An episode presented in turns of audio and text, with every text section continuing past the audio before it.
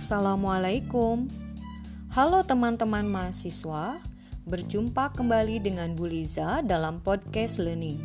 Pembahasan kali ini merupakan lanjutan dari pembahasan kita di sesi 1 tentang perkembangan anak yang bersifat non-normatif.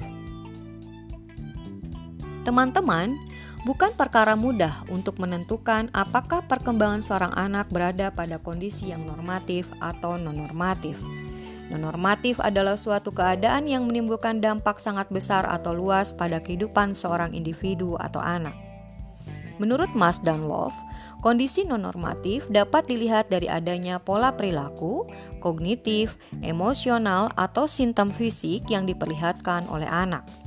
Beberapa pola tersebut berhubungan dengan salah satu atau lebih dari tiga ciri yang menonjol, yaitu pertama, anak menunjukkan adanya gejala distres, misalnya ketakutan atau kesedihan. Dua, perilaku anak menunjukkan adanya tingkat disabilitas tertentu, misalnya kerusakan yang secara mendasar mengakibatkan gangguan atau membatasi aktivitas dari satu atau beberapa area fungsional penting, termasuk emosional, fisik, kognitif, dan perilaku. Ketiga, tingkat distres atau disabilitas tersebut menimbulkan risiko penderitaan atau ancaman lebih jauh, misalnya kematian, sakit, disabilitas, atau kehilangan kebebasan yang penting. Hal yang patut dicermati dari ketiga ciri yang menonjol dari kemungkinan munculnya perilaku non-normatif berdasarkan penjelasan tadi adalah Ketiga ciri tersebut hanya menggambarkan apa yang dapat atau tidak dapat dilakukan oleh seseorang dalam situasi tertentu. Walaupun perkembangan non-normatif selalu dikaitkan dengan pola-pola tertentu yang bersifat individual, namun karena ketergantungan anak yang sangat besar dengan orang lain yang berada di sekitarnya, maka dalam memahami masalah yang dihadapi anak akan lebih baik bila kita melihatnya dalam kaitan hubungan tersebut, tidak semata-mata hanya melihatnya sebagai masalah anak saja. Intinya bahwa perkembangan seorang anak akan dibentuk oleh banyak faktor, baik yang bersifat bawaan maupun yang berasal dari keluarga atau lingkungan sosial di mana anak tumbuh. Proses perkembangan melibatkan interaksi antara anak dengan lingkungannya. Anak mempengaruhi semua yang berada di sekelilingnya, termasuk kedua orang tua mereka, sementara di saat yang bersamaan anak juga dipengaruhi lingkungannya. Kelainan yang muncul pada seorang anak berkaitan erat dengan faktor-faktor mempengaruhi perkembangan mereka. Faktor tersebut adalah pertama cetak biru biologis atau biological birthright. Pada saat bayi dilahirkan, terdapat karakteristik yang sifatnya bawaan di mana antara bayi satu dengan bayi lainnya berbeda. Misalnya saja warna rambut. Tidak ada yang dapat kita lakukan selama ataupun setelah kelahiran untuk mempengaruhi warna alami dari rambut bayi. Namun, tidak semua efek genetik muncul atau terlihat saat kelahiran. Ada kalanya orang sering tidak menyadari bahwa sebenarnya terdapat kelainan gen dalam dirinya. Namun karena dipicu oleh adanya perubahan dalam tubuh, sehingga orang baru menyadari adanya kelainan setelah usia lanjut. Kelainan genetis lazim kita kenal dengan istilah abnormalitas gen. Abnormalitas dapat terjadi ketika kromosom tidak memiliki pasangan atau tunggal, atau sebagian kromosom hilang, mengalami duplikasi, atau keluar dari tempatnya. Abnormalitas yang paling mudah dikenali adalah Down syndrome yang disebabkan oleh kelebihan di kromosom 21. Faktor yang kedua adalah genetik dan lingkungan. Faktor genetik adalah bawaan lahir, berasal dari kedua orang tua. Sedangkan faktor lingkungan adalah dunia di luar diri individu, dimulai saat dalam kandungan dan pembelajaran yang diperoleh dari pengalaman. Dari semua area di mana pengaruh genetik dan lingkungan saling berinteraksi mempengaruhi seorang anak, maka ada dua aspek yang mengundang perbedaan pendapat paling kontroversial di antara ahli, yaitu berkaitan dengan perbedaan gender laki-laki dan perempuan. Yang kedua adalah perbedaan muncul dalam kaitan mana yang pada awalnya dipengaruhi oleh lingkungan sosial. John Money mengatakan bahwa hormon mengarahkan anak atau individu untuk berperilaku sesuai dengan jenis kelamin. Namun, pengalaman anak akan mempengaruhi apakah pengaruh hormonal tersebut akan hilang atau diperkuat. Dari penelitiannya diketahui bahwa ibu yang sedang mengandung janin perempuan karena satu atau lain hal kemudian diberi suntikan yang mengandung hormon testosteron, maka bayi perempuan yang dilahirkan menjadi lebih maskulin karena kadar testosteronnya melebihi kadar normal. Namun bila lingkungan tetap memperlakukan seperti seorang perempuan dan dengan berjalannya waktu, yang berarti pengaruh hormon juga semakin menghilang, ternyata subjek penelitian tetap berperilaku seperti perempuan. Faktor ketiga adalah konteks sosial. Lingkungan seseorang anak secara bertahap diperluas mulai dari setting yang paling langsung berhubungan yaitu keluarga yang memiliki dampak paling berpengaruh secara langsung terhadap perkembangan anak hingga ke lingkungan yang dampaknya paling tidak langsung berhubungan dengan anak seperti kebijakan pemerintah. Konteks di mana seorang anak atau individu tinggal memegang peranan sangat penting karena perubahan-perubahan yang terjadi memberikan pengaruh pada setiap tahap usia dan aspek perkembangan. Contohnya, banyak penelitian membuktikan bahwa bila orang tua meminta anak melakukan sesuatu dengan disertai kehangatan dan kasih sayang, maka anak cenderung akan mematuhi dan mau bekerja sama dengan baik sehingga dengan demikian orang tua mereka pada gilirannya juga akan menjadi orang yang hangat dan penuh dengan kelembutan.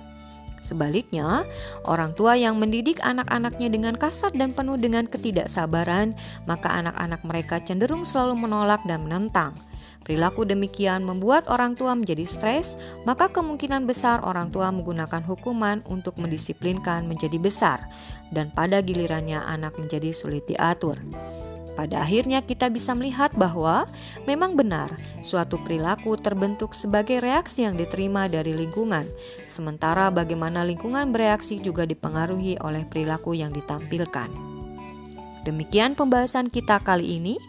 Terima kasih atas atensi teman-teman semua. Sampai jumpa di kesempatan berikutnya. Wassalamualaikum warahmatullahi wabarakatuh.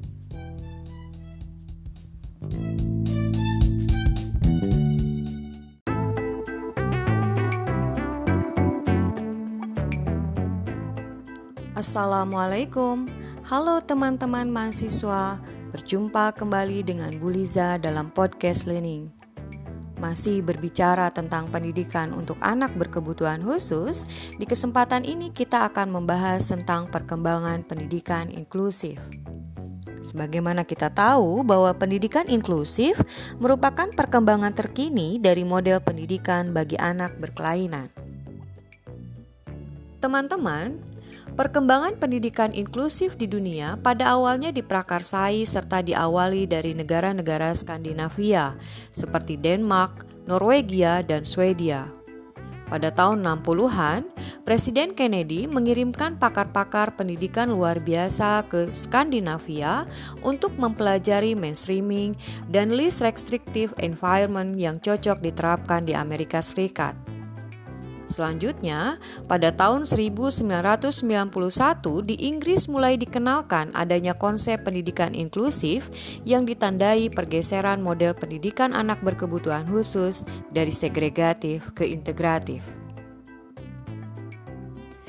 Tuntutan penyelenggaraan pendidikan inklusif di dunia semakin nyata sejak diadakannya Konvensi Dunia tentang Hak Anak pada tahun 1989 dan Konferensi Dunia tentang Pendidikan tahun 1991 di Bangkok yang menghasilkan deklarasi Education for All. Implikasi pernyataan ini mengikat semua anggota konferensi agar semua anak termasuk anak berkebutuhan khusus mendapat layanan pendidikan secara memadai. Sebagai tindak lanjut deklarasi Bangkok, pada tahun 1994 diselenggarakan konvensi pendidikan pada Salamanca, Spanyol yang mencetuskan perlunya pendidikan inklusif yang selanjutnya dikenal sebagai The Salamanca Statement on Inclusive Education. Berdasarkan sejarah perkembangan pendidikan inklusif di dunia, pemerintah Indonesia sejak awal tahun 2000 sudah mulai mengembangkan program pendidikan inklusif. Program ini merupakan kelanjutan program pendidikan terpadu yang sesungguhnya pernah diluncurkan Indonesia pada tahun 80-an, tetapi kurang berkembang. Pada tahun 2000 baru dimunculkan kembali dengan mengikuti kecenderungan dunia yang menggunakan konsep pendidikan inklusif. Sebagai bentuk komitmen pemerintah dalam melakukan pendidikan inklusif bagi anak berkebutuhan khusus, pada tahun 2002 pemerintah secara resmi melakukan proyek uji coba di 9 provinsi yang mempunyai pusat sumber belajar. Seiring kecenderungan dunia mengenai pendidikan inklusif, pada tahun 2004 Indonesia telah mengadakan konvensi nasional menghasilkan deklarasi Bandung dengan komitmen Indonesia menuju pendidikan inklusif untuk memperjuangkan hak-hak anak dengan hambatan belajar, pada tahun 2005 telah diadakan Simposium Internasional di Bukit Tinggi yang menghasilkan rekomendasi Bukit Tinggi yang isinya menekankan pentingnya pengembangan program pendidikan inklusif sebagai cara untuk menjamin bahwa semua anak benar-benar memperoleh pendidikan yang layak. Secara tidak langsung, perkembangan pendidikan inklusif berkaitan dengan presentase yang masuk pada pendidikan reguler atau pendidikan formal masih minim. Bahkan bisa dikatakan masih belum ada peningkatan signifikan. Meskipun pemerintah melaksanakan berbagai strategi, baik melalui diseminasi ideologi pendidikan inklusif, mengubah peran SLB untuk menjadi pusat sumber belajar, penataran atau pelatihan guru SLB dan guru sekolah reguler, reorientasi pendidikan guru LPTK, desentralisasi di dalam implementasi pendidikan inklusif, pembentukan kelompok kerja pendidikan inklusif, sampai pada pembukaan program magister di bidang inklusif dan pendidikan kebutuhan khusus, tetapi kualitas anak berkebutuhan khusus masih harus ditingkatkan. Hasilnya adalah pada tahun 2004 sampai 2007 muncul apresiasi dan antusiasme kuat di kalangan masyarakat untuk mengimplementasikan strategi pemerintah tersebut.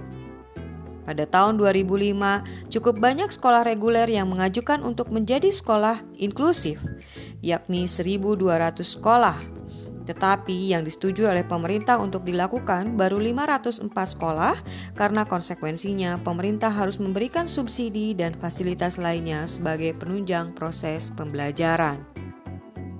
Meningkatnya pendidikan inklusif pada waktu itu menjadikan Indonesia peringkat 58 dari 130 negara implementasi pendidikan inklusif.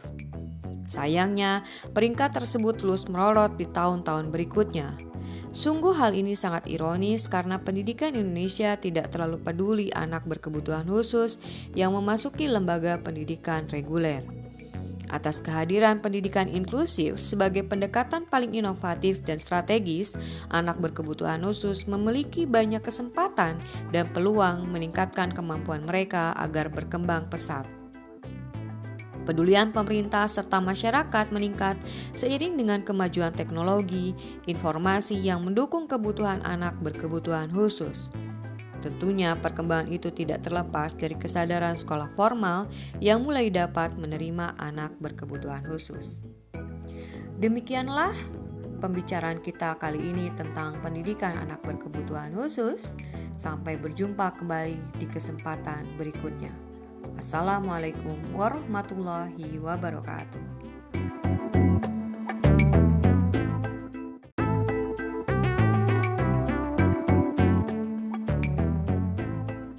Assalamualaikum, halo teman-teman mahasiswa. Berjumpa kembali dengan Bu Liza dalam podcast Learning masih berbicara tentang pendidikan untuk anak berkebutuhan khusus, di kesempatan ini kita akan membahas tentang perkembangan pendidikan inklusif.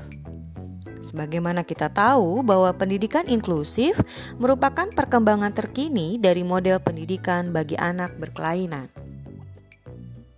Teman-teman, Perkembangan pendidikan inklusif di dunia pada awalnya diprakarsai serta diawali dari negara-negara Skandinavia seperti Denmark, Norwegia, dan Swedia. Pada tahun 60-an, Presiden Kennedy mengirimkan pakar-pakar pendidikan luar biasa ke Skandinavia untuk mempelajari mainstreaming dan least restrictive environment yang cocok diterapkan di Amerika Serikat. Selanjutnya, pada tahun 1991 di Inggris mulai dikenalkan adanya konsep pendidikan inklusif yang ditandai pergeseran model pendidikan anak berkebutuhan khusus dari segregatif ke integratif. Tuntutan penyelenggaraan pendidikan inklusif di dunia semakin nyata sejak diadakannya Konvensi Dunia tentang Hak Anak pada tahun 1989 dan Konferensi Dunia tentang Pendidikan tahun 1991 di Bangkok yang menghasilkan deklarasi Education for All.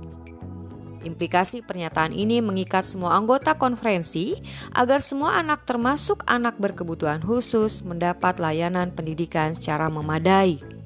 Sebagai tindak lanjut deklarasi Bangkok, pada tahun 1994 diselenggarakan konvensi pendidikan pada Salamanca, Spanyol yang mencetuskan perlunya pendidikan inklusif yang selanjutnya dikenal sebagai The Salamanca Statement on Inclusive Education. Berdasarkan sejarah perkembangan pendidikan inklusif di dunia, pemerintah Indonesia sejak awal tahun 2000 sudah mulai mengembangkan program pendidikan inklusif. Program ini merupakan kelanjutan program pendidikan terpadu yang sesungguhnya pernah diluncurkan Indonesia pada tahun 80-an, tetapi kurang berkembang. Pada tahun 2000 baru dimunculkan kembali dengan mengikuti kecenderungan dunia yang menggunakan konsep pendidikan inklusif. Sebagai bentuk komitmen pemerintah dalam melakukan pendidikan inklusif bagi anak berkebutuhan khusus, pada tahun 2002 pemerintah secara resmi melakukan proyek uji coba di 9 provinsi yang mempunyai pusat sumber belajar. Seiring kecenderungan dunia mengenai pendidikan inklusif, pada tahun 2004 Indonesia telah mengadakan konvensi nasional menghasilkan deklarasi Bandung dengan komitmen Indonesia menuju pendidikan inklusif. Untuk memperjuangkan hak-hak anak dengan hambatan belajar, pada tahun 2005 telah diadakan Simposium Internasional di Bukit Tinggi yang menghasilkan rekomendasi Bukit Tinggi yang isinya menekankan pentingnya pengembangan program pendidikan inklusif sebagai cara untuk menjamin bahwa semua anak benar-benar memperoleh pendidikan yang layak. Secara tidak langsung, perkembangan pendidikan inklusif berkaitan dengan presentase yang masuk pada pendidikan reguler atau pendidikan formal masih minim. Bahkan bisa dikatakan masih belum ada peningkatan signifikan. Meskipun pemerintah melaksanakan berbagai strategi, baik melalui diseminasi ideologi pendidikan inklusif, mengubah peran SLB untuk menjadi pusat sumber belajar, penataran atau pelatihan guru SLB dan guru sekolah reguler, reorientasi pendidikan guru LPTK, desentralisasi di dalam implementasi pendidikan inklusif, pembentukan kelompok kerja pendidikan inklusif, sampai pada pembukaan program magister di bidang inklusif dan pendidikan kebutuhan khusus, tetapi kualitas anak berkebutuhan khusus masih harus ditingkatkan. Hasilnya adalah pada tahun 2004 sampai 2007 muncul apresiasi dan antusiasme kuat di kalangan masyarakat untuk mengimplementasikan strategi pemerintah tersebut. Pada tahun 2005, cukup banyak sekolah reguler yang mengajukan untuk menjadi sekolah inklusif, yakni 1.200 sekolah tetapi yang disetujui oleh pemerintah untuk dilakukan baru 504 sekolah karena konsekuensinya pemerintah harus memberikan subsidi dan fasilitas lainnya sebagai penunjang proses pembelajaran. Meningkatnya pendidikan inklusif pada waktu itu menjadikan Indonesia peringkat 58 dari 130 negara implementasi pendidikan inklusif. Sayangnya, peringkat tersebut terus merorot di tahun-tahun berikutnya. Sungguh hal ini sangat ironis karena pendidikan Indonesia tidak terlalu peduli anak berkebutuhan khusus yang memasuki lembaga pendidikan reguler. Atas kehadiran pendidikan inklusif sebagai pendekatan paling inovatif dan strategis, anak berkebutuhan khusus memiliki banyak kesempatan dan peluang meningkatkan kemampuan mereka agar berkembang pesat. Kepedulian pemerintah serta masyarakat meningkat seiring dengan kemajuan teknologi, informasi yang mendukung kebutuhan anak berkebutuhan khusus. Tentunya perkembangan itu tidak terlepas dari kesadaran sekolah formal yang mulai dapat menerima anak berkebutuhan khusus. Demikianlah pembicaraan kita kali ini tentang pendidikan anak berkebutuhan khusus. Sampai berjumpa kembali di kesempatan berikutnya. Assalamualaikum warahmatullahi wabarakatuh.